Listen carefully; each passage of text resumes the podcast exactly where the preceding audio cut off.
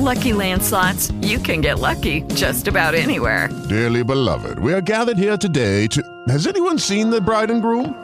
Sorry, sorry, we're here. We were getting lucky in the limo and we lost track of time.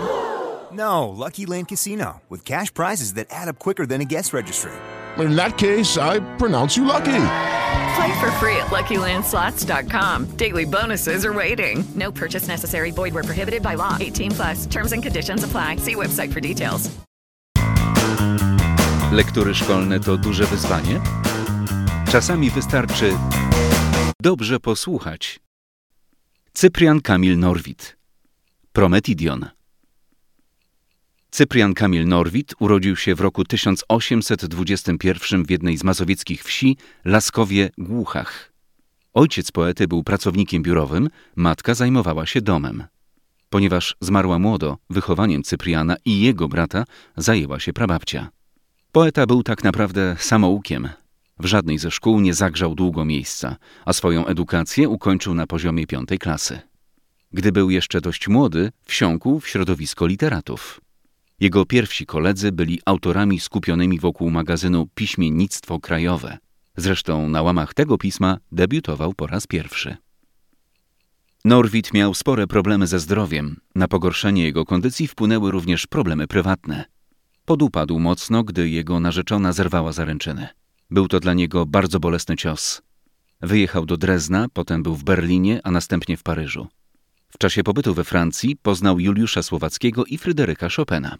Gdy stan zdrowia poety pogarszał się, postanowił wyemigrować do Stanów Zjednoczonych. Żył w biedzie, ponieważ jego twórczość nie spotykała się z przychylnymi opiniami. Pomimo złej kondycji zdrowotnej nie przestawał podróżować. Pojechał do Londynu, ale i tam nie zagrzał miejsca na dłużej. Ostatecznie osiadł we Francji i tam, w jednym z paryskich przytułków, zmarł w roku 1883. Po śmierci Norwida część jego notatek spalono. Nie oznacza to, że po wielkim poecie nie pozostała żadna spuścizna. Cypriana Kamila Norwida uznaje się za jednego z najwybitniejszych poetów romantyzmu, jednak sławę zyskał dopiero po śmierci. Za życia jego dzieła nie spotkały się z przychylnością. Przyczyną miało być odmienne podejście do estetyki. Norwid nie trzymał się ściśle schematów, które były popularne w romantyzmie. Posługiwał się zupełnie inną techniką pisarską, na przykład mało znanymi wówczas neologizmami. Wykropkowywał również niektóre fragmenty w swoich wierszach, co miało podkreślić pewnego rodzaju niedopowiedzenia. Poza tym dość często nawiązywał do innych poetów, których czytelnicy nie znali, co rodziło trudności i niechęć do czytania jego utworów. Poeta wyznawał jednak zasadę, że każda czynność jest pracą, którą należy wykonać i w taki sam sposób traktował czytanie. Pamiętaj też, że Norwid był bardzo pobożny i w swojej twórczości umieszczał również elementy sakralne. Są one obecne także w Prometidionie. Zamysłem Norwida było stworzenie poematu zawierającego definicję piękna, które jest wyrażane dzięki człowiekowi i sztuce. W swoich teoriach nie pominął również Boga, tłumacząc, że jego obecność pomaga człowiekowi w tworzeniu. No dobrze, pora przyjrzeć się omawianej lekturze.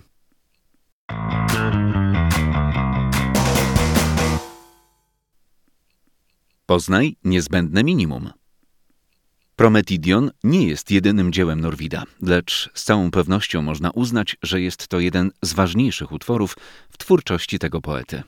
Powstał prawdopodobnie w latach 1848-49. Tytuł nawiązuje do mitologii greckiej, a dokładnie do mitu o Prometeuszu. Ten tytan ulepił z gliny człowieka, jednak istota przez niego stworzona była bezradna wobec czyhających niebezpieczeństw. Prometeusz postanowił wykraść bogom ogień, aby człowiek mógł się bronić. Został za to surowo ukarany. W utworze Norwid przedstawia Prometeusza jako orędownika rzemiosła i sztuki, bo przecież to sztuka i jej piękno są w tym wierszu najważniejsze. Tak naprawdę jest to swego rodzaju traktat dydaktyczny, przedstawiający przemyślenia poety na temat tworzenia i związanych z nim wartości. Norwid nazywa sztukę piękną i dobrą, a pracę nad nią szlachetną.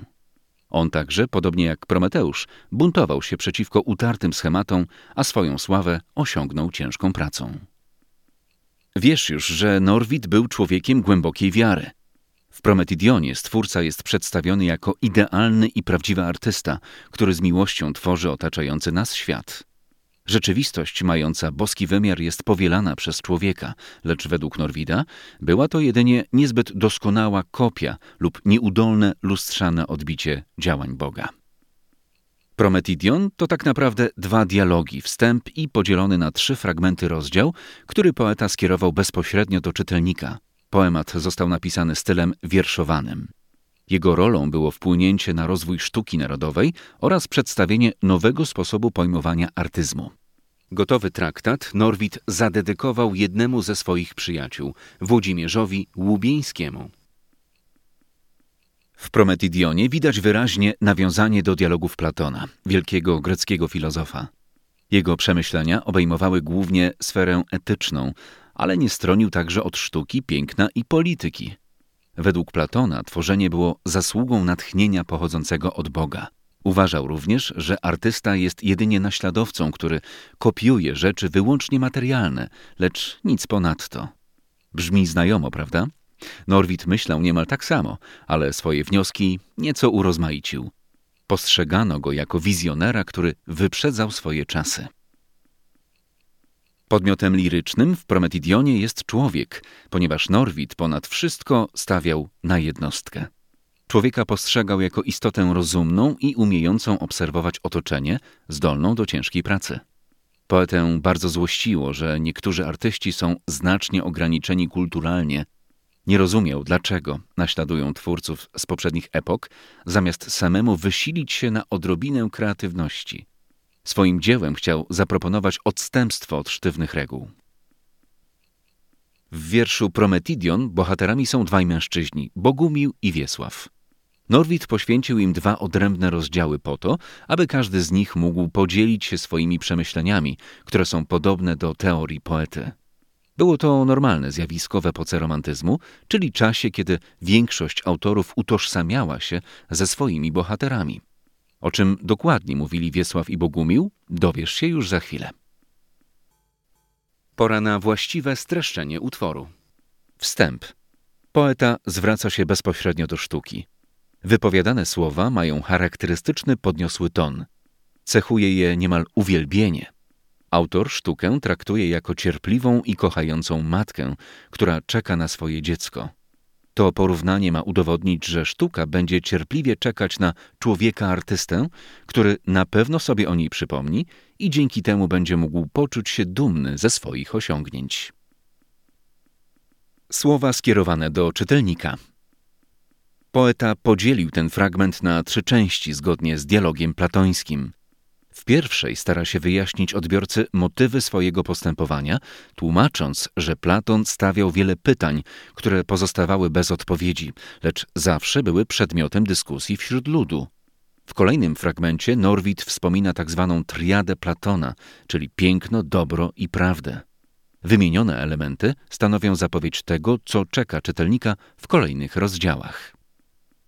W pierwszej części jest mowa o pięknie, a dokładnie o formie piękna, którą powinna zawierać sztuka. W drugiej autor opowiada o treści, co określa jako dobro. Trzecia zaś to podsumowanie obu poprzednich. Poeta potraktował ją jako wstęp do osobistych rozważań i postrzegał jako prawdę. Bogumił to dialog o sztuce i jej stanowisku.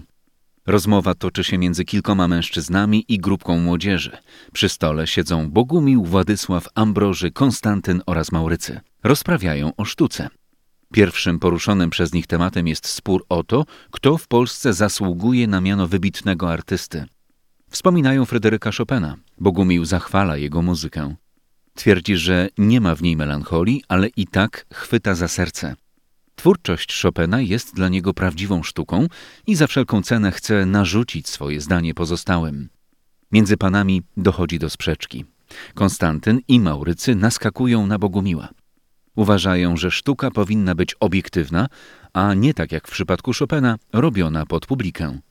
Poza tym każdemu podoba się coś innego. Panowie twierdzą, że sztuką jest idealne naśladownictwo – nie podoba się to Bogumiłowi, który rozpoczyna długą przemowę na temat sztuki. Bogumił mówi, że sztuka to coś na kształt piękna. zwłaszcza gdy powstaje w skupieniu i z gorącego uczucia. Jest przekonany, że takie samo uczucie miał Prometeusz, kiedy lepił z gliny człowieka. Poza tym każdy człowiek jest inny i w różny sposób może postrzegać sztukę. Tym samym jest ona praktyczna i faktycznie piękna, ponieważ powstaje w wyniku ciężkiej pracy i poświęcenia. Ludziom, którzy tworzą coś pięknego, należy się szacunek i uznanie. W Polsce nie ma artystów z prawdziwego zdarzenia. Ludzie zachwycają się sztuką, którą tworzą osoby spoza kraju, a nie swoją własną, i to wielki błąd. Bogumił bardzo chciałby znaleźć choć jednego Polaka, który tworzy z głębi serca. Gdy kończy swoją przemowę, towarzysze są nieco zmieszani. Wiesław to dialog, w którym jest rzecz o prawdzie, jej promieniach i duchu. Rozmowa toczy się przy stole. W dyspucie biorą udział Konstanty, Wiesław oraz generał. Dotyczy znaczenia prawdy w przepowiadaniu przyszłości. Konstanty posądza Wiesława o mistycyzm. Ten śmieje się z kolegi i stara się mu wytłumaczyć, w co tak naprawdę wierzy. Największą wartością dla niego jest prawda, którą porównuje do głosu Boga i istotnego dla artysty piękna. Aby racjonalnie wyjaśnić swoje racje, Wiesław rysuje na stole okrąg. Promień koła wraz z samym okręgiem to przepowiednie narodu, obwód to polscy artyści, reszta zaś to ludzkie sumienie. Wiesław przestrzega jednak zebranych przed udawaczami, którzy wcale nie dążą do prawdy. Na tym kończy swój wywód. Po minach kolegów widać, że nie wszyscy go zrozumieli. Epilog. To słowa samego Norwida. Poeta podzielił swoje rozważania na dwadzieścia fragmentów. W każdym z nich daje upust targającym nim emocjom. Twierdzi, że sztuka, która powstała wyłącznie z myślenia, nie jest warta niczyjej uwagi. Prawdziwą sztuką jest stworzenie czegoś dzięki wytężonej pracy. Norwid cenił sobie wierzenia ludowe, ale uważał, że nie tylko one powinny być przedmiotem piękna. Według niego w sztuce należało dążyć do prawdy, bo to właśnie ona jest najwyższą wartością. Marzył o chwili, w której ludzie otrząsną się z marazmu.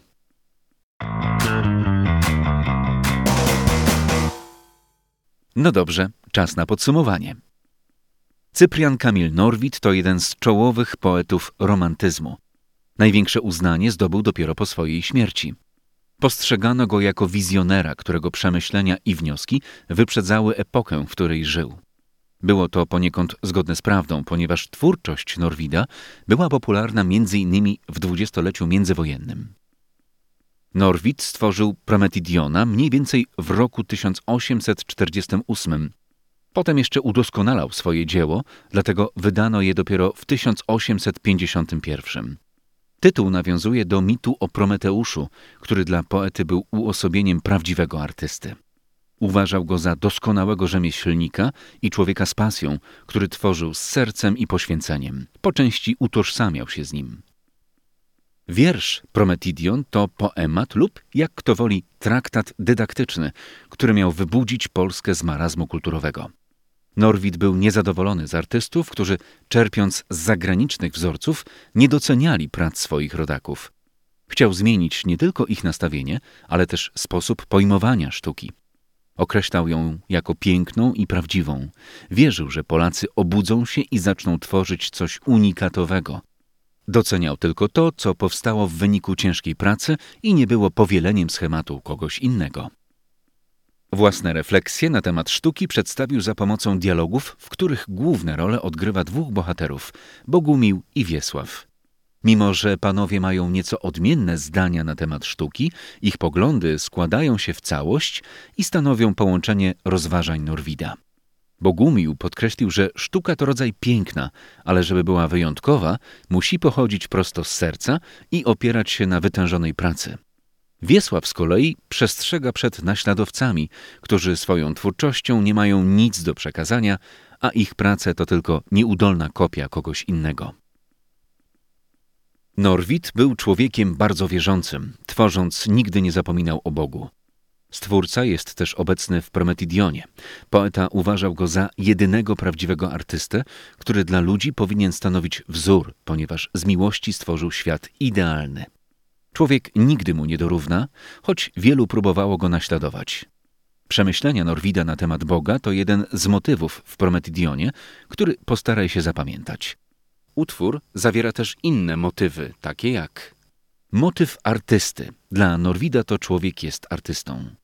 Ma postępować zgodnie z wolą Boga, bo tylko Stwórca da mu natchnienie do pracy. Osoby, które nie chcą ciężko pracować, nigdy nie stworzą niczego dobrego. Motyw sztuki. Aby stworzyć arcydzieło, należy przeciwstawić się utartym schematom i porzucić naśladownictwo. Tylko wtedy sztuka będzie prawdziwie piękna. W Prometidionie możesz odnaleźć nawiązanie do sztuki ludowej. Norwid twierdził, że to właśnie sztuka ludowa wyzwala w człowieku uczucia patriotyczne i należy ją za to szanować.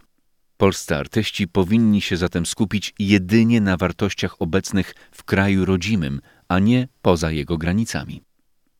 Norwid w swoich utworach podkreślał znaczenie jednostki. Człowiek był stale w kręgu jego zainteresowań, ale poeta wcale nie ułatwiał czytelnikom odbioru swoich dzieł. Jego utwory często nawiązywały do mniej znanych dzieł, co dla wielu stawało się niezrozumiałym cytatem. Jeśli ktoś nie był biegły w literaturze, stanowiło to dla niego nie lada problem. Aby więc w pełni zrozumieć dany utwór, musiał podjąć wysiłek poznania szerszych kontekstów dzieła. To już koniec naszego opracowania. Podobało Ci się? Podaj je dalej do znajomych, którym też może się przydać. Pamiętaj również, że ta praca jest pomocą w nauce, dlatego korzystając z okazji, zachęcamy Cię do przeczytania albo wysłuchania lektury w całości. A tymczasem powodzenia na zajęciach. Dziękujemy, że wysłuchałeś tego nagrania. Opracowanie tej lektury zostało przygotowane w ramach projektu Dobrze posłuchać.